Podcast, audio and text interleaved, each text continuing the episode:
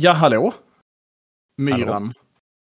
Jag är här. Du är här. Du, det här, eh, vi sitter och spelar in lite extra inför vårt ordinarie släpp. Precis, över nätet blir det. Ja, för igår så gjorde jag en lång intervju med, Rasmus Kahnbäck som varit nere i Armenien. Och diskuterade utvecklingen med Nagorno-Karabach. Om eh, ja, Azerbajdzjans krigshot och hur situationen är med Latchenkorridoren och svält och, och, och hit och dit. Och eh, idag tisdag, den 19 september, då eh, har det ju hänt rätt mycket saker. Det blev verklighet av det här krigshotet. Ja, det får man ju säga. Nu när vi spelar in det här är på kvällen och det här kommer att klippas in före den intervjun jag eh, gjorde med Rasmus Kahnbäck. Och jag tänker att det kan vara värt för er som lyssnar att liksom ha det i åtanke. Det blir lite rörigt, men att det här är alltså innan den nya offensiven som Azerbajdzjan tycks ha inlett eh, idag. Precis, intervjun är inspelad, alltså. men, men det blir en bra bakgrund kanske för att man ska förstå vad som händer just nu, att just lyssna på det ni spelade in, liksom, för det är väldigt anpassat för det på ett sätt. Då. Ja, man får en bra koll. Rasmus Kahnbäck har en jävla eh, koll på bakgrunden till konflikten. Jag tänker också att det här är, ni får alltså ett ordinarie avsnitt en dag tidigare för att det råkar vara så aktuellt. Ja, vi kallar det inte ens ett extra avsnitt utan det är det vanliga avsnittet, alltså, fast det kommer på en onsdag. Ja. Så hoppas ni är okej okay med det. Ja, jag är knappt okej okay med det. Nej, det jag vet. Vi har ju bråkat får... om det. vi har ju suttit och bråkat om det här nu innan, men eh, förlåt för det. Vad är det som har hänt idag då? Jag har inte varit online hela dagen tyvärr. Jag har malt blåbärsblad istället. Okej. Okay. Hur mycket har du följt vad som har hänt och vet vi vad det står just nu i liksom, striderna och så? Jo, men det är lite diffust än så länge. Jag upplever en viss radiotystnad från eh, de aseriska trupperna på ett sätt som de kanske inte tidigare har varit direkt kända för att eh, lyckas hålla. Jag har inte sett några avrättningar än till exempel och så. För det verkar de vara väldigt förtjusta i att filma och lägga upp på internet. Men eh, man kan väl säga så att det som har hänt idag, vilket är en beskjutning av Nagorno-Karabach och vilken omfattning den har skett och huruvida det sker stridigheter längs alltså kontaktlinjen mellan Armenien och Azerbajdzjan och inte då alltså Nagorno-Karabach. Det är lite oklart. Jag skulle göra bedömningen att det än så länge bara sker stridigheter i Nagorno-Karabach. Och då är det liksom den lokala styret som är liksom... Artaks försvarsstyrkor då, som är de här på pappret inte samma sak som Armenien. Nej, och är ju inte liksom en erkänd identitet på samma sätt som Armenien eller så, utan det är ju, de gör anspråk på självständighet och har kontroll på något sätt över området liksom. Men är ju inte en riktig armé liksom på det sättet. Precis. Då kan man väl säga att Azerbajdzjan säger att anledningen till att det här händer nu i den här militära operationen eller antiterroristverksamheten som de säger att de bedriver. Känns ju igen som Rysslands förklaring till Ukraina-kriget, liksom att det är antiterror. Eller för den delen massa amerikanska invasioner i historien. Ja. Precis. Så säger de att det har liksom att göra med att det dog sex personer, varav fyra poliser, vid två stycken, eh, ja, vad ska man säga, mindetonationer i tisdags morse, alltså idag morse då när vi spelar in. Och det var det som gjorde att Azerbajdzjan Eh, började beskjuta olika mål in i Nagorno-Karabach. Sen finns det massa rykten om att det också sker trupprörelser och angrepp och att de ska ha tagit territorium. Alltså Azerbajdzjanska försvarsministeriet har varit ute och sagt att de har eh, eh neutraliserat eh, 60 posteringar och 20 fordon. Det cirkulerade ett rykte om att Azerbajdzjan hade omringat några byar det saknas ganska mycket film på det. Men det vi har film på är ju beskjutning av... Olika orter i Nagorno-Karabach. Alltså ja, men precis. Artilleribeskjutning bland annat då? Ja, men precis. Det är artilleribeskjutning av eh, Stepen Karet. Karet, vad är det? ingen aning hur man säger det. Karabachs liksom regionala huvudstad har blivit eh, beskjuten med vad jag tycker verkar vara granatkastare. Och, och det är liksom inget jättetungt artilleri som används. Vi har också sett eh, Lora, eh, alltså raket, eh, artilleri eller kvasiballistiska robotar som beskjuter olika positioner. Och sen har det varit lite drönarangrepp på eh, arkasiska försvarspositioner. Så man kan ju antingen förstå det som händer som en straff, en, liksom en, ett, ett rent sätt att straffa och skapa press i Nagorno-Karabach just nu som befinner sig i ett väldigt skört läge. Det kommer ni höra mer om i intervjun som följer efter detta. Eh, eller så är det ju en bearbetning av ett slagfält. Förberedelse för en markinvasion.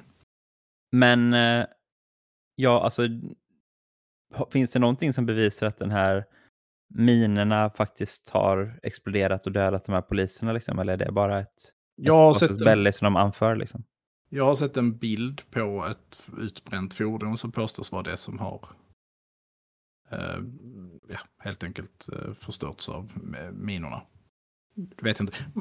Det kan jag inte uttala mig om, om liksom äktheten i det. Det var ju uppenbart att alltså, Azerbajdzjan var väldigt redo för det här och det sker liksom i en väldigt eh, specifik tid. Det har varit oroligt i Armeniens huvudstad. Det pratas om att ryska ambassaden har eh, att det är liksom många som protesterar där utanför och eh, liksom det är politiskt oroligt. Och att ehm, eh, Armeniens regering har varit ute och sagt att de har liksom ingen koppling till eh, uh, Arkats försvarsstyrkor. Liksom. Nagorno-Karabachs försvarsstyrkor. Att den armeniska armén och den försvarsstyrkorna där inne, det finns ingen koppling mellan dem. Vilket har tolkats som, av vissa som ett uh, sätt liksom att uh, distansera sig från, från konflikten på något sätt. För att man då kanske är rädd för en vidare aserisk invasion av Armenien ifall de liksom är en del av konflikten. Eventuellt. Eventuellt är det så. Ja, det vill jag inte spekulera i. Nej, fast gjorde det nästan lite. Mm. Nästan gjorde jag det. Men det verkar vara liksom läget när vi spelar in. Det, ja, beskjutningen avtog lite under kvällen, men verkar ha intensifierats igen. Det humanitära sköra läget inne i Nagorno-Karabach gör ju att det här har liksom horribla effekter för civilbefolkningen som är där. De barn och kvinnor och icke-stridande män som är fastlåsta där inne helt enkelt. I brist på både mat och medicin. Det handlar ju om en population på ungefär 120 000 personer. Och eh, omvärldens reaktion hittills, det har ändå fått en del uppmärksamhet får man ju säga. Och det var det Frankrike som sa att de ville lyfta det till säkerhetsrådet eller någonting? Ja, precis. De har väl kallat samman FNs säkerhetsråd. Det kom ut något fördömande från EU på något sätt. Jag är inte helt hundra på det gick till. Eh, och eh, väl även någonting från USA. Och England har varit märkligt tysta. Är det typ det jag har uppfattat. Eh, Tyskland har också uttalat sig. Och det har ju diskuterats sanktioner och så. Men eh, ingenting som, som än tycks ha liksom hunnit ha någon verkan. Nej, man kan ju lite tänka att det är ingen av stormakterna riktigt som har någonting att förlora på att faktiskt försöka sätta stopp för det. Men då är det ju det här med europeiskt beroende av gas via Azerbajdzjan och sådana saker. Liksom. Men Precis.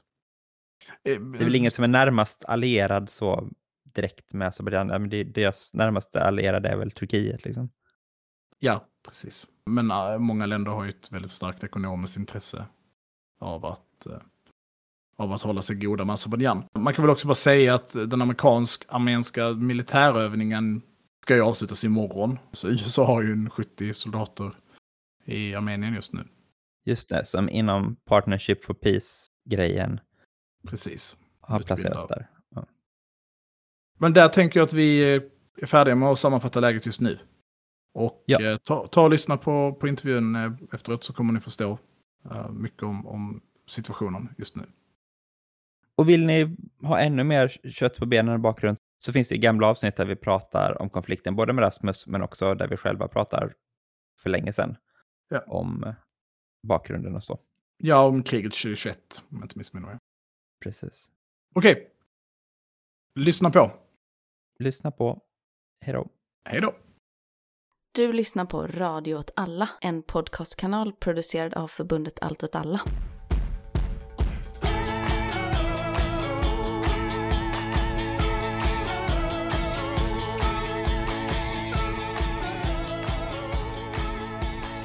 Hej och välkomna till Eldrörelse med mig Martin Hansson och med Sveriges ledande expert på Armenien-Azerbajdzjan-konflikten och mer specifikt Nagorno-Karabach, Rasmus Kahnbäck. Ja, tack så mycket. Det är kul att höra att jag är ledande. Ja, ja men det är viktigt. Det är viktigt att vara Sveriges, eller kanske till och med Skandinaviens eh, ledande expert. Ja, nej, men bland journalister är jag nog definitivt det. Det sa jag inte i januari, men det säger jag nu. Precis, och vi har ju med dig för att du har varit i eh, Har du varit inne i Nagorno-Karabach? Nej, det går ju inte. Nej, precis. Det är ju blockad där sedan nio månader tillbaka. Ja.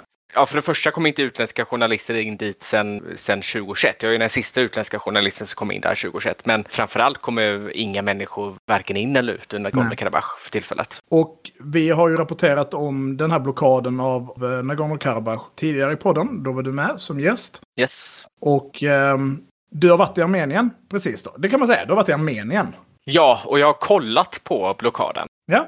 Vilket också är en grej att göra. Så att eh, senast jag var med i eh, juni, måste det ha varit, då var blockaden inte inne i den fas som blockaden är inne i just nu. Alltså en fullständig blockad. Där Azerbajdzjan helt enkelt hindrar all form av humanitär hjälp från att varken komma in eller ut ur Nagorno-Karabach. Så man har bytt strategi. Precis, när vi har pratat om det tidigare så var det ju så kallade miljöaktivister Mm. som har blockerat Latchin-korridoren. Mm. Ja, det var rätt. Och eh, men hur ser liksom blockaden ut nu ifall vi ska eh, bara kasta oss rakt in i ämnet? Nej, men vi, vi gör väl det. Nej, men det. Det som har uppstått under sommaren är väl egentligen eh, en sorts strid om det humanitära biståndet. Där blockaden sedan i april först militariserades den genom att man byggde en gränspostering mellan Nagorno-Karabach och Armenien som Ryssland inte kunde öppna. De anser att de inte har mandat att göra det. Efter det i juni så intensifierade man blockaden genom att eh, man började stoppa ryska fredsbevarande trupper från att komma in med transporter. Så att eh, tidigare var det egentligen ryssarna som förde in mat och förnödenheter till butikerna som då sålde det till lokalbefolkningen till väldigt höga priser givetvis. Men efter 15 juni så stoppade detta fullständigt och i slutet av juli så gick internationella Röda Korsfederationen ut och sa att eh, vi kan inte jobba. Och eh, vad som också skedde samtidigt som detta var att internationella Röda Korsfederationen, de transporterade då sjuka människor från Nagorno-Karabach in i Armenien men stoppades av Azerbajdzjan där Azerbajdzjan egentligen ryckte ut en person ur ICRCs bilar och eh, anklagade honom för folkrättsbrott eller krigsbrott på eh, början 1990-talet. Och det är ett jättestort eh, brott mot Genèvekonventionerna givetvis. Man, man ska ju inte stoppa ICRCs eh, transporter på det viset. Efter det har eh, den här striden om det humanitära biståndet ökat så att Azerbajdzjan försökte likt det här som man gjorde med miljöaktivisterna i början utav året där man placerade så kallade miljöaktivister som då skulle ha någon form av miljöagenda när man blockerade. Då, då placerade man istället eh, azerbajdzjanska Röda halvmånens eh, volontärer på andra sidan utan Nagorno-Karabach och började hävda att armenierna stoppade humanitärt bistånd för att komma in i Nagorno-Karabach från Azerbajdzjan. Så att scenerna är ganska så här bisarra och man har också kunnat peka ut fler av de här personerna. Alltså de som var miljöaktivister, de blev helt plötsligt Röda halvmåneaktivister och hamnade då på andra sidan av Nagorno-Karabach. Och då måste man ha klart för sig att eh, internationella Röda Korset, ICRC och Röda halvmånen är inte samma organisationer. Det är två stycken olika organisationer. Och det påminner ganska mycket om vad som hände i Syrienkriget där regimen i Syrien insisterade på att använda syriska Röda halvmånen istället för ICRCs transporter för att, då, för att man kontrollerar den organisationen. På samma sätt kontrollerar man organisationen i Azerbajdzjan. Så att hela den här bizarra historien kring blockaden från de här miljöaktivisterna till den fullständiga blockaden till att uh, gå över till att bli en strid om humanitära biståndet har ju lett till att människor svälter. Och det vet jag att du har rapporterat om tidigare om just liksom svältsituationen och Mm. på grund av blockaden. Men hur liksom utbredd är den eller liksom, hur tar den sig uttryck? Nej, men alltså när man pratar om svält så måste man ju prata om svält i lite olika grader. Så att den här absolut akuta svälten, den finns väl inte riktigt än. Men däremot vad man ser är andelen sjukdomar som har uppstått till följd av näringsbrist har ökat jättemycket i Nagorno-Karabach. De senaste veckorna, sen egentligen, ja men typ i slutet av augusti, början av september, då så finns det inget bröd att tillgå. Så det enda man lever av inne i Nagorno-Karabach idag är de grödor som man själva odlar där inne och det är inte alls tillräckligt för att kunna överleva mer än ett par veckor till eller till sena hösten i alla fall. Okej, så det handlar liksom helt enkelt om en riktig svältkatastrof på något sätt som håller på att växa fram?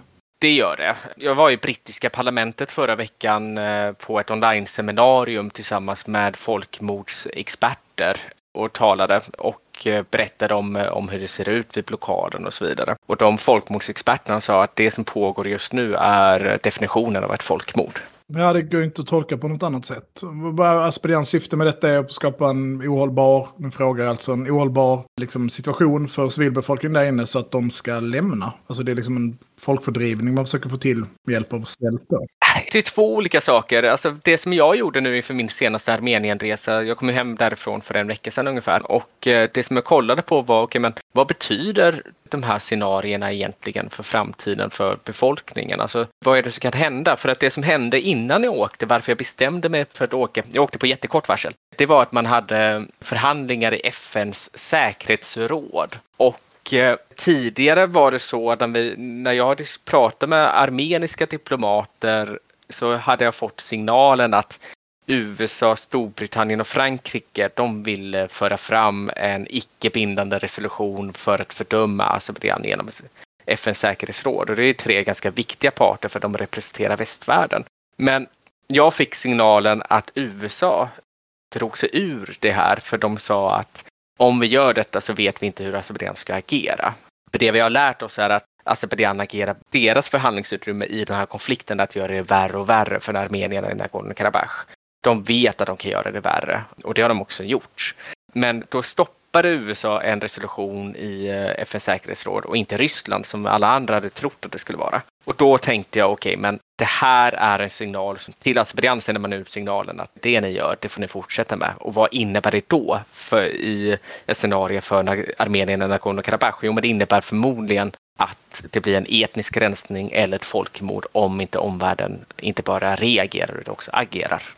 Det har ju också varit under tiden du var där nere, vi hade ju lite kontakt. Mm. När det det skedde ju en, en, någon typ av repmånad, alltså någon typ av reservister som mobiliserades som skulle eventuellt tränas. Men det kändes ju som att det var en hel del rörlighet bland aspadianska trupper. Vilket man väl nu i efterhand får förstå som att det var liksom ett hot eller någonting. Det bröt ju aldrig ut några storskaliga stridigheter, även om det pågår stridigheter. Känns ju lite som att det är lite hela tiden. Mm. Mindre beskjutningar och så. Vad var din känsla när du var på plats liksom, i, i Armenien? Det var jättespänt när jag var på plats. Det var mitt under det här och eh, det som hände. Vi hade ju kontakt kring en ganska specifik grej och det var att eh, Azerbajdzjan har fått ett nytt tecken på sina trupper och sina eh, lastbilar och så vidare som har kört till fronten och det är ett upp och nervänt A. Och eh, då var ju frågan vad betyder det här upp och nervända A och vilken inspiration har de tagit från eh, Rysslands invasion av Ukraina. De skrev Z och eh, V. Och, v va? Och, ja, ja, V och F va? Det ryska och F. F ja. Mm. ja, precis. På sina bilar. Så att rent estetiskt har ju Azerbajdzjan eh, kopierat det här fast med det här upp och nervända art. Då. Och det här upp och nervända art har ju blivit någon form av symbol nu. Så att det är massor med azerbajdzjanska trollkonton i sociala medier som har det och det står Karabachis Azerbajdzjan och sådana saker. Och eh, det kom inte bara med det här. Det kom också med nationalistisk musik och nationalistiska videor och det började verkligen koka ordentligt eh, nere okay, i Asperian. För att när, vi hade ju en dialog om det här, det blev lite meta här. Men ja. Jag var så, men de har försökt stryka, det ser ut som ett V de har strykt över. Men det visade sig att det var det här uppe och nervända A. Men det har alltså inte varit en grej tidigare då? Det du beskriver låter ju ganska likt hur Z började användas som propaganda eller symbol för militarism eller hur man skulle beskriva det. När jag grävde i det så visade det sig att de har använt den här symbolen tidigare och det gjorde de vid invasionen i september förra året av Armenien. Mm. Däremot, det som skiljer i år det är det här mer systematiska användandet och att de faktiskt har den här paketeringen kring symbolen som har fortsatt efteråt. Och vad som också skiljer från förra året det är att det azerbajdzjanska medier, de har ju varit väldigt och sociala mediekanaler, även inför invasionen förra året, har de ju varit väldigt öppna med sina truppförflyttningar. Det har ju cirkulerat väldigt många videor. Det var ganska lätt att se att de faktiskt bygger upp till någonting. Men nu gick azerbajdzjanska myndigheter ut och sa att eh, nu stryper vi bilderna så det är olagligt att lägga upp några bilder och liksom bara på minuten de gjorde det slutade de här videorna helt plötsligt. Så att när jag var där nere och vi hade den här dialogen det som hände var ju att vi diskuterade det här upp och nedvända, art och sen helt plötsligt så slutade det komma bilder och videor på detta samtidigt som de här truppförflyttningarna skedde. Så att de människorna jag pratade med i Armenien som var diplomater, jag pratade aldrig med militären eh, om de här sakerna för de skulle aldrig säga någonting, men men diplomater sa väl eh, bakom kulisserna att de kunde se stora truppförflyttningar och jag stötte in i EU som har med observationsstyrka nere på plats och sa att ja, men vi ser faktiskt detta ske för tillfället. De har inte sagt det öppet offentligt utan det råkade bara vara människor som jag stötte in nere i Armenien som berättade detta för mig. Så att eh, det var en eh, klockan ett på natten när jag var i eh, Goris, en gränsstad mot Azerbajdzjan, så eh, avfyrades det fyrverkerier i den här staden. Och eh, jag skrev till min journalistkollega som jag jobbade med och sa att eh, nu är det dags. Och, så att hela den här spänningen fanns liksom i luften. Och dessutom var jag där samtidigt som ettårsdagen av invasionen i september förra året. Så att allt det här adderat, det här symboliken kring det upp och nedvända A, vi har blockaden av Nagorno-Karabach som har kommit in i ett jättekritiskt läge tillsammans med ett presidentval faktiskt in i Nagorno-Karabach som skedde mitt uppe i det hela, gjorde att situationen uppfattades som jättespänd. Ja, det har ju liksom hänt en del lite spännande saker i Armenien som jag tänker att du gärna också, det vet att du kommenterade, det, det är lite ett annat spår, men Mm. Armenien har ju varit en del av Partnership for Peace. Mm. Jag vet inte vad man ska beskriva det som. NATOs förmedlemskap kanske. Man ska väl ta det med en viss nypa salt. Ryssland är väl också med i Partnership for Peace. Men Armenien gick väl in i den strukturen av väldigt många andra före detta Warszawapakten eller länder som stod nära Ryssland eh, började liksom någon typ av anslutningsprocess till NATO. Men den relationen, Partnership for Peace och USA har ju varit relativt, vad ska man säga, legat på is eh, under mm. ett, ett gäng år. Men i dagarna, är väl till och med nu i, alltså runt den 10 september, så mm. genomfördes det ju lite gemensamma övningar mellan NATO, alltså underförstått USA i det här fallet, och eh, Armeniens försvarsmakt. Mm. I Armenien. Den här eh, Eagle Partner-träningen som har, ja det är väl egentligen fredsbevarande, tror jag är liksom det man tränar på. Så det här skedde ju också någonstans när du var där nere. Ja. Var det liksom en diskussion eller liksom hur att, att USA tränar tillsammans med Armenien och så vidare. Ja, alltså just den här övningen, det blev ju en väldigt stor diskussion. Men för det första är det ju lite sådana sämst bevarade hemligheter som de har kunnat ha i, i Armenien. Så att eh, journalister emellan snackar vi om att det här har vi ju känt till att det skulle ske nästan ett halvår mm. i förväg. Sedan är det också så att det har skett tidigare fast i mindre skala. Så att anledningen till att det fick så mycket uppmärksamhet den här gången till skillnad från tidigare gånger. Dels berodde det för att det armeniska utrikesministeriet förmodligen ville att det skulle få uppmärksamhet och dels berodde det på att Armenien samtidigt gjorde ganska skarpa uttalanden mot Ryssland där Armeniens premiärminister Pashinyan gick ut och kritiserade eh, Ryssland hårt för att inte följa de åtaganden som man har enligt CSTO, den kollektiva säkerhetspakten och i princip sa att vi vill lämna den här säkerhetspakten. Så Ryssland svarade ganska skarpt med att eh, säga att eh, Armenien, ni vet inte vad ni håller på med. Ett Sydkaukasien utan Ryssland, det existerar inte. Så att eh, antingen är ni med oss eller så är ni emot oss. Ni måste förhålla er till oss. Och då samtidigt som det sker, då har man då den här militärövningen med USA. Så att den eh, diplomatiska kris som har uppstått mellan Armenien och Ryssland, trots att man har den kollektiva säkerhetspakten och trots att man har tullunionen med Ryssland, har ju blivit avgrundsdjup mitt i det hela. Och detta spädde ju också på tankarna om att Azerbajdzjan skulle mm, passa på att anfalla Armenien och eh, komma fram till vad några azerbajdzjanska toppdiplomater kallar för den slutgiltiga lösningen för Nagorno-Karabach-konflikten. Tror du att det finns liksom ett spel från Armeniens sida att försöka ja, spela på båda planhalvorna på något sätt för att tvinga Ryssland att ta en mer aktiv eh, ställning i konflikten? Eller tror du att det genuint handlar om att man är så, vi behöver bryta med Ryssland?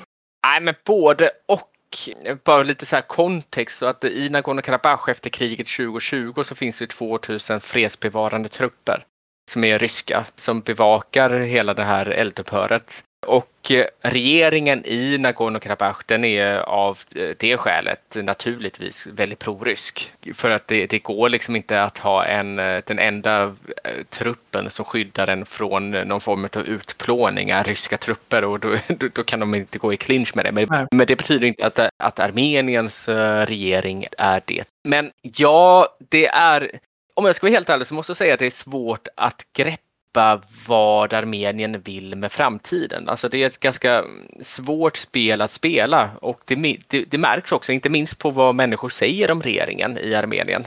En mätning som kom i maj månad visade att bara 16 procent av Armeniens befolkning skulle rösta på det sittande partiet idag, Pashinyan, som tog makten 2018 efter en demokratisk revolution. Men samma mätning visade att det största oppositionspartiet skulle få 5 procent. Ja, så det är liksom någon typ av eh, politisk desillusionering som pågår i landet. Liksom. Ja, men precis. Och 65 procent säger att de inte skulle rösta alls eller att de inte vet vad de ska rösta på. Liksom. Så att det, det finns eh, ett stort eh, vakuum framåt. Och eh, man har från den armeniska regeringens sida sedan 2021 framförallt, slutet 2021, gjort en stor kursändring i sin utrikespolitik och den hänger ihop med Nagorno-Karabach-frågan där man tidigare har pratat om folks rätt till självbestämmande. Alltså att, att i grund och botten handlar fredsförhandlingen om att eh, armenierna i Nagorno-Karabach ska få rösta om sitt eget självbestämmande. Den frågan har man lite lämnat bakom sig och fokuserar mer nu på säkerhetsaspekter.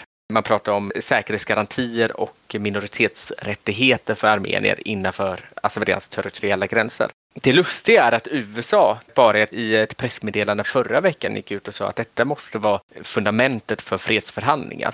Vilket gjorde att Azerbajdzjan ballade ur fullständigt och Eh, skrev ett, eh, Azerbajdzjans utrikesministerium gick ut i ett jättemärkligt eh, pressmeddelande som var med versaler och det ena med det andra. Det, det är nästan värt att läsa det för att det är så tydligt att det är skrivet på ren och skär magkänsla när de mottog eh, USAs tanke. Så att Azerbajdzjan vill ju inte alls, om man ska diskutera några säkerhetsaspekter eller minoritetsrättigheter för armenier utan hänvisar till att den azerbajdzjanska konstitutionen är stark nog. Men också ska väl sägas att det känns ju som att Azerbajdzjan har ganska nära till sina känslor generellt. alltså att de, att de blir arga för lite vad som helst. Och lite oproportionellt reagerar. Det här har ju du diskuterat många gånger tidigare, men det känns som att de blir väldigt ledsna väldigt, väldigt snabbt. Och arga för den delen. Ja, och det är kanske är så man kan reagera om man har uh, våldsövertaget. Uh, mm. Det är ju så himla tydligt våldsövertag och pengaövertag som Azerbajdzjan har. Så att uh, det är en ganska, just det här meddelandet var, det var ganska slående. Att det kom från så hög nivå. Ja, jag vet inte, frågan handlar egentligen om men vad händer med Ryssland i regionen någonstans? Och eh, Ryssland har ju fått närmare och närmare band till Azerbajdzjan, delvis genom gasexporten till Europa. Och eh, Armenien försöker ju att eh, lämna Ryssland till viss del. Och jag tror att en anledning till att man gör det från armeniskt håll är att diplomaterna upplever att de får väldigt mycket gehör från västerländska diplomater. Och att de bildar, om jag ska vara helt uppriktig, tror jag det handlar mycket om eh, personliga vänskapsrelationer mellan armeniska diplomater och västerländska diplomater och att det fungerar från ett västerländskt perspektiv. Å andra sidan finns det ju väldigt lite som tyder på att eh, västvärlden skulle gå in och ersätta någon form av säkerhetsgaranti som eh, Ryssland ändå har i alla fall formellt lovat att man ska ge Armenien. Nej, men det finns väl liksom något deppigt här utan att blanda in en annan komplex geopolitisk konflikt, men som också handlar om storskaliga övergrepp på civilister, så känns det på många sätt som att det finns klara paralleller till, till situationen på Gaza mm. och situationen på Västbanken. Alltså att det, det pågår med självklart skillnader och med, med andra historiska kontexter, men att det kanske finns en moralisk och idémässig föreställning om att det som sker är fullständigt fel och folkrättsvidrigt. Som att till exempel stänga in massa människor i ett område och att ett annat land ska bestämma vilken typ av tillgång på medicin eller mat eller vad det kan vara. Mm. Men det finns inga ekonomiska eller geopolitiska intressen att göra någonting åt det eftersom att den ena parten är så pass mycket svagare. Mm. Nu är ju inte Armenien Palestina och i sin helhet, absolut inte. Men det är en konflikt där man har Armenien som är nära kopplat till vad väst uppfattar vara sin fiende, Ryssland i det här fallet. Framförallt historiskt nära kopplat. Och på andra sidan har man Azerbajdzjan som känns som en, en frispelare på något sätt. Det är ingen som har en klar uppfattning om Azerbajdzjan. Det är inga problem, man kan handla med dem, de har stora oljetillgångar. Och det finns inget land som har något ekonomiskt eller militärt eller politiskt intresse av att välja Armenien för Azerbajdzjan i en sådan konflikt. Och då är man beredd på att blunda för ganska omfattande övergrepp och vissa som tenderar till folkmord. Ja, absolut. Och jag håller, jag håller med om den analysen. Och att det, det är just det att Armenien har ju väldigt lite att erbjuda västvärlden mer än en moralisk eh, ståndpunkt. Och Armenien som då ändå har ju som en försvarsmakt, men har ju i, i det långa loppet ingenting att sätta emot vid en storskalig sammandrabbning mellan de två länderna. Nej, och här är det spännande. Alltså, det är intressant att du drar upp Israel också i och med Ja, ja. Det finns en ganska stark koppling Ja. eh, de- delvis i att Azerbajdzjan också köper 70 procent av sina vapen från Israel. Och det vi kunde se nu när vi pratade om den här militära uppbyggnaden var ju att eh, fraktplanen som gick från Israel till Azerbajdzjan mångdubblades bara veckorna innan som jag åkte till, eh, till Armenien den här resan. Och det påminner väldigt mycket om det mönstret som vi såg inför invasionen Mm. förra året men framförallt det mönstret vi såg inför invasionen 2020. Och vi såg väl även vissa turkiska trupprörelser. Ja, signalspaning och sådär eh, har vi sett. Men du pratar om framtiden, för det är väl det som någonstans blir den stora frågan. Hur tänker Mm. man sig att den här situationen skulle kunna utveckla sig på ett sätt som inte bara leder till att armenierna i Nagorno-Karabach tvingas eh, fly? Ja, men så det som jag har tittat på nu när jag åkte ner eh, i och med det här eh, FNs säkerhetsråd misslyckades med sina förhandlingar och Armenien valde att inte pusha på sina allierade Frankrike går fram med resolution. Då kollar jag på möjliga framtidsscenarier och det som jag har varit mest intresserad av är att undersöka är hur beredda är Armenien på ett värsta scenario? Och när vi pratar om ett värsta scenario då pratar vi om en eh, massevakuering från Nagorno-Karabach. Och vad innebär då en massevakuering i nästa fråga? Och även det här finns det lite olika scenarier så att det bästa scenariot är att hela befolkningen skulle kunna lämna. Men det är inte det troliga enligt de källor jag pratar med. Utan det troliga scenariot är att kvinnor och barn får lämna. Men kvinnor och barn i Nagorno-Karabach vill inte riktigt lämna på grund av att de förstår att de är en humanitär sköld utifrån detta perspektivet. Att Aliyev-regimen är mindre villiga att anfalla eh, Nagorno-Karabach när det är kvinnor och barn på plats för att det skulle bli en alldeles för stor medial katastrof för dem. Så att eh, det är ett eh, moment 22.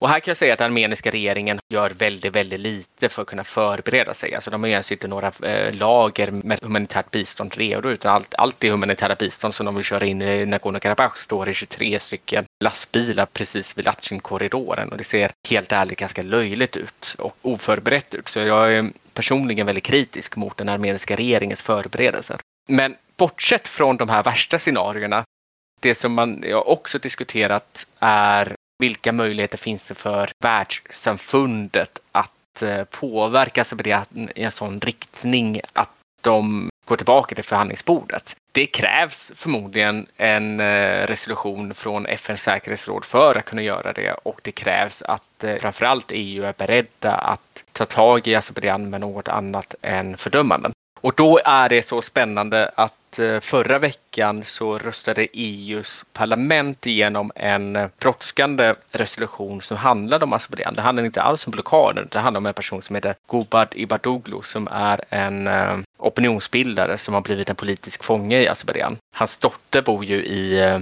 i Sverige, Chala Bayramova. Och i den resolutionen så föreslår EU-parlamentet att man ska införa sanktioner mot Azerbajdzjan. Just det. Det kommer ju aldrig hända. Det kommer förmodligen inte hända. Det kan eh, hända på eh, någon nivå. Kan det hända. Det kan hända på en ganska låg nivå, men det är inte tillräckligt hög nivå för att det skulle påverka mm, Azerbajdzjans eh, riktning i sin strategi kring Nagorno-Karabach. Och när vi pratar om en låg nivå så handlar det om att sanktionera enskilda personer. Jag tror att det är tal om eh, det juridiska rättsväsendet i eh, Azerbajdzjan. Okej. Det som diskuteras då liksom är ju den här typen av överstatliga organ då som på något sätt ska intervenera i konflikten. Vi pratar om FNs säkerhetsråd till exempel och vi pratar om EU. Mm. Har inte det historiskt sett visat sig vara ganska tandlösa organ för att hantera den här typen av situationer? Jo, Jag tänker sanktioner till exempel, vad praktiken, föreställer man sig att det skulle leda till? Mer än att, alltså Azerbajdzjan har ju sin olja, EU handlar ju väl fortfarande omfattande mängder gas från... Eh, Mm. Ja, och eh, det är precis vad EU-kommissionen säger också, att eh, det senaste uttalandet från EU-kommissionen mot Azerbajdzjan är att de fördömer Azerbajdzjan och kräver att Latchin-korridoren ska öppnas med detsamma, men att det på intet sätt kommer påverka handeln med gas och olja från Azerbajdzjan. Så att eh, jag fick frågan även, jag var med i Nyhetsmorgon i TV4 Nyhetsmorgon i morse och där, där får man ju alltid så här de vill ju att man ska sluta på topp liksom. Så de, jag fick frågan, men vilka, vilka ljusa, mm, ljusglimtar finns det i allt det här? Och det är helt ärligt, det, det, är inte några ljusglimtar utan det vi har sett som jag inledde det här samtalet med är att Azerbajdzjan har lärt sig att de har förhandlingsutrymmet att göra det sämre och sämre för civilbefolkningen. Så den stora frågan är vad är det nästa sämsta? Mm. Och här har ju den armeniska regeringen misslyckats med att eh, förstå att det är så de ska tänka. Och det är det vi har sett de senaste tre åren, att de måste tänka på det viset. Är retoriken fortfarande väldigt högtravande från Armeniens sida? Hur, hur tänker du? Alltså att de ska återta Nagorno-Karabach eller de ska ha mer av Azerbajdzjan eller vet, den typen av retorik som man ju ändå såg innan kriget. Ja, nej, den, den typen av nationalistiska retoriken eh, får vi nog kalla den ändå. Eh, Mm. Den finns knappt längre Nej. i, i Armenien. Den var ju dominerande typ fram till 2010, men sedan försvann den lite och det är ju väldigt många människor som säger det. Att alla de här myterna som Armeniens regering har lärt folket, det är ju bara ytligt tjafs helt enkelt. Mm. Så att man hör inte det längre utan nu, alltså när man pratar med människor i Armenien, det enda de pratar om är just vilken geopolitiska partner ska vi välja. Det är också ett, så här, ett ganska deprimerande förhållningssätt. Det är ungefär som att vi i Sverige skulle hela tiden tänka på, okej vi i Sverige, vi har, det är någon som skulle invadera oss eh, utifrån, ska vi gå till Norge, ska vi gå till Tyskland, ska vi gå till Frankrike, ska vi gå till NATO liksom. Alltså det, hela den här, man ser inte Armenien som en egen agent. Och när jag säger agent så är det inte någon spionverksamhet utan Nej, nej. Nu, nu, snackar vi, nu, nu snackar vi om agens. Liksom, att, Mm. att, och här börjar många människor komma till någon form av slutsats att okej, men de enda vi egentligen kan lita på är oss själva. Så hur ska vi bygga upp vår egen militära förmåga och styrka och så vidare? Precis. För du fick ju lite feedback där. Vi pratade ju lite om den innan vi spelade in. Om Ja, just det. det här eh, Rasmus Kahnbäck som västerländsk agent, på tal om agenter då, liksom, som pratar positivt om att eh, Armenien närmade sig väst, tolkar jag det som, och att, om sanktioner. Liksom. Det handlar inte väldigt mycket om det här om just Ryssland, liksom. Alltså, Som vi har varit Mm. i podden tidigare, att Armenien har befunnit sig i en situation där en av deras, alltså deras existens har ju varit berättigad av, av deras eget, en egen förmåga att hålla sitt territorium, men att Ryssland som bundsförvant har, har funnits där. Och debatten i Armenien kopplad till att rådande konsensus på något sätt är att Ryssland inte längre är den bundsförvanten för att de inte garanterar Armeniens suveränitet. Eller är det Nagorno-Karabach som är öppet för diskussion? Nej, men alltså det är en ganska tudelad debatt. Alltså i och med Armeniens regering har tagit den här eh, förändringen i, i sin kurs, sin riktning i att man ska försöka att lämna den här ryska militäralliansen och så vidare. Och att eh, uppenbarligen har det inte fungerat att vara med i den heller. Så är det många som är väldigt arga på Ryssland. Alltså de människorna som jag pratade med, som jag träffade för ett år sedan, pratade fortfarande om att Ryssland var säkerhetsgaranten och sedan visade sig i september förra året att Ryssland inte alls var det. Men där finns det ju en ännu större diskussion där man riktar kritiken mot eh, Pashinyan-regeringen. Där det är väldigt många, skulle jag säga, som anser det var helt fel av Pashinyan-regeringen till att börja med att eh, ändra riktning från Ryssland. Just det. Att nu har man lite fått tillbaka att vara så kritisk. Det finns väl en historisk kontext, vi har pratat om den tidigare podden, men som är att när den revolutionen sker på något sätt och hans parti vinner makten, så innan man vinner makten så är man väldigt kritisk mot Ryssland och man pratar väl om att bryta med dem och så vidare. Men sen när man väl kommer till makten så är man lite så, ja fast vi behöver liksom fortfarande ha en dialog och CSTO och så vidare och så vidare. Mm. Och att man ser liksom att Rysslands passiva agerande eller närmare band till Azerbajdzjan också är sprungna ur att man inte litar på Armenien längre. Precis, och detta är också ungefär vad Ryssland säger själva. De säger ju från diplomatiskt håll att om, Armenien bara hade rättat sig i leden från första början, då hade den här situationen aldrig eh, uppstått. Och det är ju också det som många kritiker mot både oppositionen och mot eh, regeringen säger i Armenien att eh, vi kanske aldrig skulle ha lämnat det här. Det viktigaste vi har är vår säkerhet, så eh, då kanske vi inte skulle ha fler biståndsorganisationer, fler NGOs, fler västerländska diplomater, fler fina mingelfester och sådana saker i, i Jerevan. Det, det kanske inte är värt det. Det är också ett ganska ja, makabert sätt att se på det. Sen tror jag personligen att den här utvecklingen som vi ser i Armenien där man har försökt att lämna Ryssland, den har ju pågått under väldigt lång tid och bland civilbefolkningen i Armenien så har man eh, varit eh, Rysslandskritisk ganska länge. Och eh, den Rysslandskritiken har ju också varit regeringskritisk fram till 2018. Nu har egentligen bara den här diskussionen fått en annan vändning och blivit mycket mer större säkerhetspolitisk diskussion. Men skulle du säga att en möjlig väg med en eventuell regerings maktbyte då, om det skulle bli när det är val, skulle Armenien kunna få Rysslands stöd på riktigt igen? Är det liksom ens, är det ens på kartan för Ryssland att välja Armenien framför Azerbajdzjan? Ja, jag, jag, tror att stödet för en sån ehm, regeringsbildning är alldeles för låg i Armenien. Så att det är nog inte realistiskt. Det finns ju de, och det, det läser jag ibland också bland svenska analytiker och så vidare som säger att, eh, att Ryssland vill att eh, Armenien ska bli ett nytt Belarus och så vidare.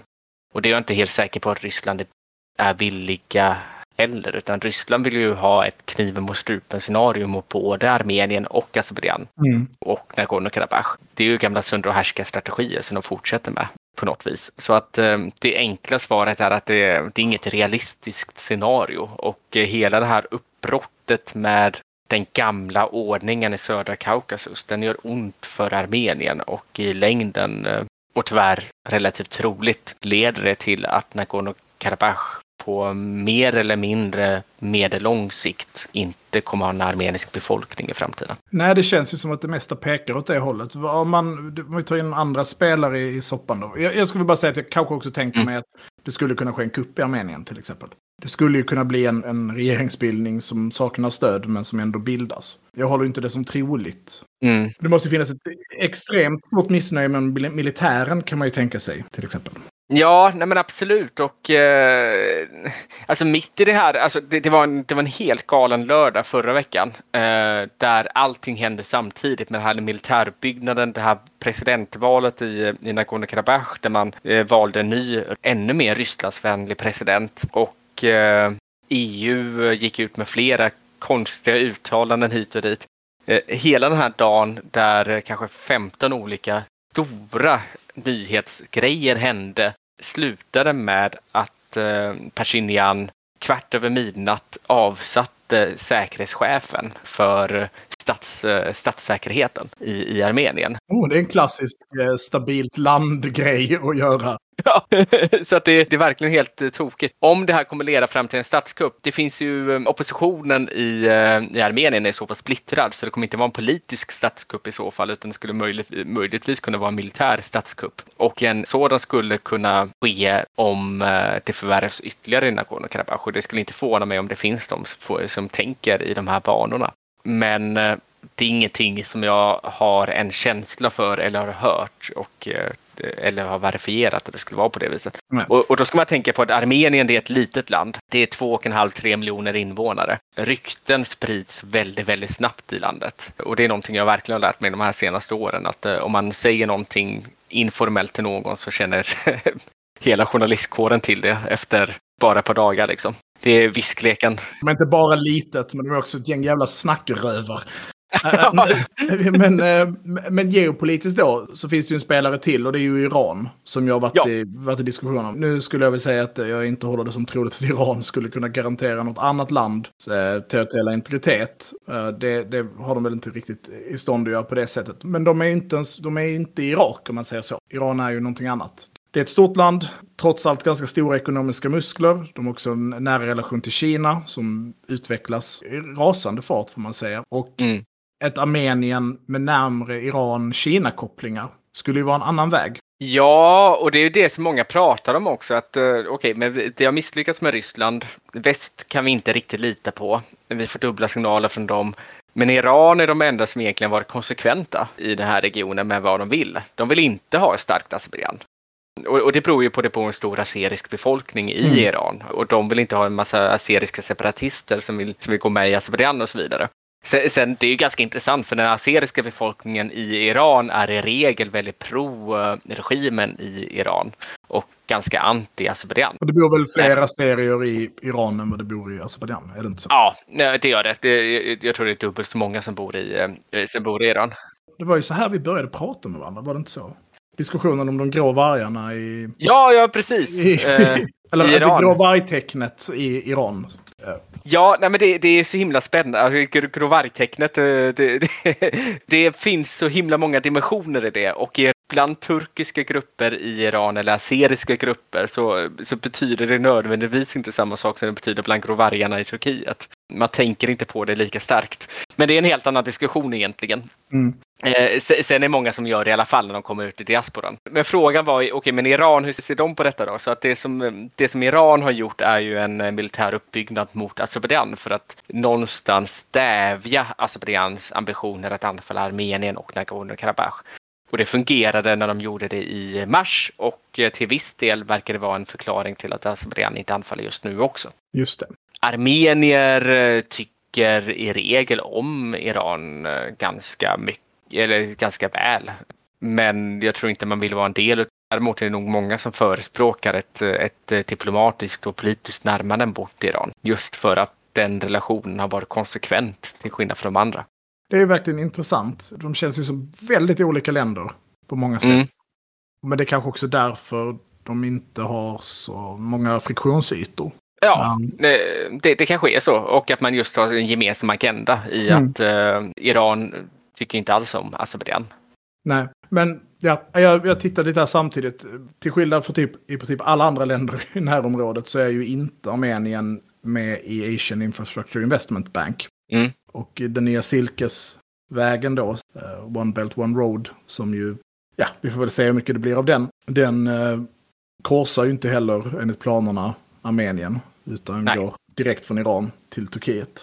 Ja. Så att det finns väl relativt små incitament på det sättet. Och precis som diskussionen med, eh, med konflikten i sin helhet och EUs relation så finns det väl egentligen ingenting som talar för att Kina skulle vara intresserad att knyta sig närmare ett så pass litet och relativt oviktigt land ekonomiskt. Nej, alltså Kina har ju det största infrastrukturprojektet i södra Kaukasien just nu mm. och det är massa tunnlar som man bygger i, mellan Georgien och Ryssland som det inte talas så mycket om. Och, eh, och, tanken med det är ju delvis att, eh, att ha en förlängning på den här eh, sidenvägen genom Kaukasien från Iran också upp till Ryssland för att det också är en stark marknad. Och här finns det väl en liten poäng i att ha vägarna genom Armenien. Nu är infrastrukturen så pass dålig i Armenien att eh, det är bara en enfilig väg som går genom massa bergsområden från norr till söder. Jag har kört på den vägen jättemånga gånger. Det är ingen bra handelsväg att, att köra genom Armenien och den är nog ganska svår och jättedyr att bygga ut om den skulle byggas ut genom Armenien också. Ja, det är verkligen en spekulation. Det är väl mer det här att man, man funderar liksom vilka vägar som finns framåt som inte bara innebär att Armenien på sikt antingen tvingas bli ett nytt Belarus, även om jag inte tror Ryssland är intresserad av det. Mm. Och att det ligger lite länder i vägen för att det också skulle kunna bli det på riktigt. Och då känns det ju som att det blir väldigt hopplöst på något sätt. Jag vet inte. Ja, det är väl den uh, kalkylen som uh, regeringen gör i Armenien också. Nu har jag pratat mycket illa om regeringen, men de gör ju en hel del rätt också när det kommer till sina diplomatiska relationer till väst och så vidare. Så att det, det är ju tydligt att Armenien ändå vill vara en del av västvärlden på ett vettigt sätt och de tänker sig nog att uh, ett ökat inflytande från västvärlden till Armenien också blir någon form av garant för att Azerbajdzjan inte ska anfalla dem. Och vad man bygger det på är att eh, Azerbajdzjan är så himla beroende av EU för sin gas och oljeförsäljning att eh, de inte vill beskjuta EUs vänner alldeles för mycket. De har väldigt höga tankar om, höga tankar om väst. Känner ögonen. Ja, okej. Okay. Ja, jag vet inte. Ja, det... men, men, typ att man, man har ju EUs observationsinsats för tillfället i Armenien. Den är inte omtyckt i Armenien, det kan jag inte påstå. De flesta som man pratar med tycker att de är de åker omkring där med sina fina bilar och så dricker de vin om kvällarna och har det trevligt. Liksom, alltid. Så att man tar dem inte riktigt på allvar, men man tycker det är ganska skönt att ha dem där. Av anledningen att de ändå blir någon form av säkerhetsgaranti utifrån bara sin närvaro. Ja, jag, bara, jag, jag har så svårt att säga att väst skulle förlora Azerbajdzjan som en, som en ekonomisk partner för att på något sätt stå upp för det här lilla landet som inte erbjuder väst några ekonomiska fördelar. Jag bara tänker hur relativt eh, tamt EU har varit mot Kina på olika sätt. Det är liksom, mm. det, pengar är alltid det som går före. Ja. Jag kan ha fel. jag, jag ska inte säga det. Men det är mer att man, man tänker på situationen med Nagorno-Karabach. Ja, nej men det är, det är ju också den slutsatsen som väldigt många gör. Så att det... Men vad, vad händer då om vi, vi, vi ponerar ett dåligt, ett riktigt tråkigt scenario? Nagorno-Karabach, man evakuerar kvinnor och civila. Du menar alltså att Azerbajdzjan inte skulle gå med på att evakuera manlig befolkning? Det skulle jag kunna tänka mig.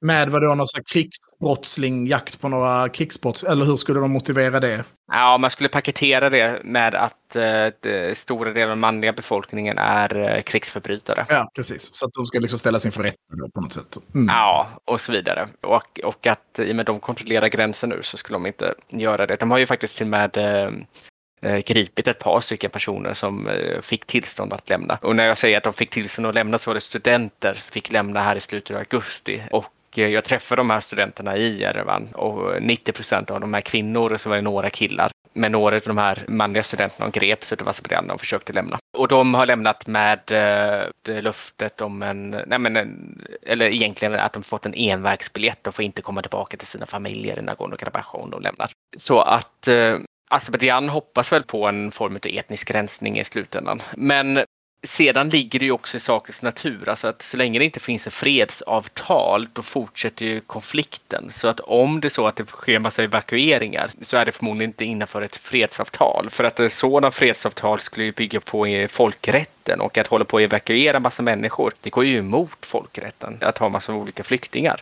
Så att även om det är så att det skulle ske massor med evakueringar, alltså Azerbajdzjan rullar in massa trupp och säger att nu får ni eh, tio timmar på er att lämna och alla de här kvinnorna och barnen skulle få sticka. Det finns inget bränsle eller något liknande så att i bästa fall så skulle väl armeniska regeringen eller EU eller någon eh, Röda Korset eller vem som helst liksom ges tillstånd att eh, köra in massa bussar för att kunna lasta ur massa busslaster. Men ett scenario som jag pratade om är att människor helt enkelt skulle få vandra från Nagorno-Karabach in i Armenien på den väg som är, eh, ja men det, det, tar nog en två dagar att eh, promenera den vägen. Vilket är ett jätte jättehemskt scenario. Ja, verkligen.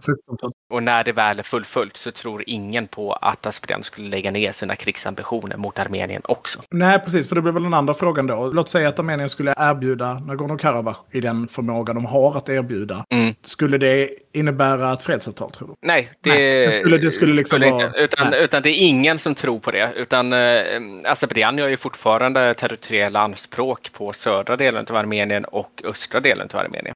Och det skulle bara fortsätta då, helt enkelt. Ja, det är väl det troliga att eh, konflikten skulle fortsätta. Så att eh, bara för att det blir en så kallad slutgiltig lösning, nu använder jag det begreppet på grund av azerbajdzjanska eh, diplomater har använt det, för Nagorno-Karabach-konflikten, mm. så innebär det inte en slutgiltig, slutgiltig lösning för Armenien och Azerbajdzjan-konflikten.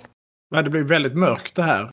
Ja. Det kändes det som att jag skulle försöka lista ut någon lösning på det här. Men det är verkligen inte rätt person att göra det Då hade jag ju haft ett helt annat jobb. Men militariseringen av Armenien då? Är det någonting man ser pågå? Eller liksom ja, man, man, man, försöker göra det så att eh, du vet det bättre än mig säkert. Men är det inte så att 98 procent av Armeniens vapen kommer från Ryssland? Jo, jo det stämmer. Armenien har ju inte några köpkrafter heller att mer än att då ta ofantliga lån i ett försök att skaffa sig vapen på andra håll. Men jag vet inte heller vem som skulle sälja det till dem. Nej, och då kommer nästa fråga. För då har Armenien, Armenien vill gå med i och är just nu här i dagarna på att gå med i, eh, i Romstadgan, alltså ICC. Internationella brottmålsdomstolen, där man skulle ansluta sig till som det 124 landet, tror jag det är. Vad det innebär är att Eh, om Vladimir Putin skulle resa till Armenien då skulle man behöva gripa honom. Eh, det är en eh, konsekvens av det, men han är eftersökt av ICC i Haag. Men vad det också innebär i praktiken är att västvärlden haft ett vapenembargo mot Armenien på grund av att man är med i den kollektiva säkerhetspakten. Det skulle öppna upp för att Armenien skulle få köpa vapen av västvärlden. Men de diplomater jag pratar med om detta säger att de har blivit Ja, att de har haft diskussioner med eh, olika länder i väst och de säger att alla vapen går till Ukraina just nu så väntetiden på att få köpa vapen är ganska lång. Ja, och det kommer ju vara saltade fakturor. Dealen med Ryssland handlar väl... Alltså en av anledningarna till att Armenien har kunnat ha någon typ av eh, välrustad försvarsmakt har väl, har väl handlat om att genom CSDO så har de också fått köpa vapen på rabatt. Mm, precis. Ja, från Ryssland. Och det kommer de ju knappast få från, eh, från eh, Tyskland då till exempel. Eller Frankrike. Nej, um, så är det. Nej, men, men det, är ju, det är ju verkligen en dyster... Men se, finns det debatt i Armenien om... Alltså för jag, jag tänker, hur, hur stor del tar Nagorno-Karabach-konflikten? Hur stor del av liksom, det offentliga samtalet? Eller försöker man, ser man även från regeringens sida att man kanske inte jättemycket vill prata om det eftersom att Nej, men det det tar... deras eh, det- misslyckande. Det, det, det dominerar eh, det offentliga samtalet eh, fullständigt skulle jag säga. Okej. Det, är ju, det är ju demonstrationer var och varannan dag, oppositionella som är ute och pratar. Så säkerhetspolitik och Nagorno-Karabach är de två frågorna man pratar väldigt mycket om. Däremot har jag märkt en förflyttning även i det samtalet där man inte pratar så mycket om Nej, men att människor ändå börjar prata om förlusten av Nagorno-Karabach på ett annat sätt Mm. eh, än vad man gjort tidigare. Ehm, och eh, den förnekelsen som har funnits tidigare, den, eh, den kommer allt närmre. Eh, när jag pratar med människor i Nagorno-Karabach, jag, för ett halvår sedan då sa väl i princip ingen till mig att de ville lämna regionen. Nu när jag pratar med dem när de inte har något mat på bordet, då säger de att eh, de kan vara beredda på att lämna regionen. Mm. Och eh, det är ju den här förflyttningen som Azerbajdzjan har velat göra någonstans. Och det är det som kallas för en krypande etnisk rensning. Mm. Ehm, och som de här internationella folkmordsexperterna som jag pratar med i eh, brittiska parlamentet också säger är definitionen av ett folkmord. Ehm, men så att rent, alltså där Armenien har vunnit, bara för att sluta lite på topp, eh, är i den eh, internationella debatten. Det finns ju i princip ingen seriös tidning eller seri- seriös journalist numera som går in och gör en bosaitism eh, analys av konflikten och säger att våra sidor lika illa kålsupare utan det är ju väldigt tydligt att Azerbajdzjan är förövaren. Man bryter mot internationella domstolen Haaks order från februari och man, eh, man tvingar armenierna underkasta sig genom att politisera det humanitära biståndet. Det är ett enat internationellt samfund, i alla fall i väst, som säger att den moraliska vinsten den har Armenien tagit och det som Azerbajdzjan håller på med är eh, förkastligt. Ja, tyvärr kan man ju inte äta ord. Nej, Men ehm, ja, ja nej, det är väl eh, mycket att tänka på. ja, nej men så att det är väl eh, det, är väl, det är väl det som jag har att säga idag. Ah, som jag ville prata om. Ja, ja det var...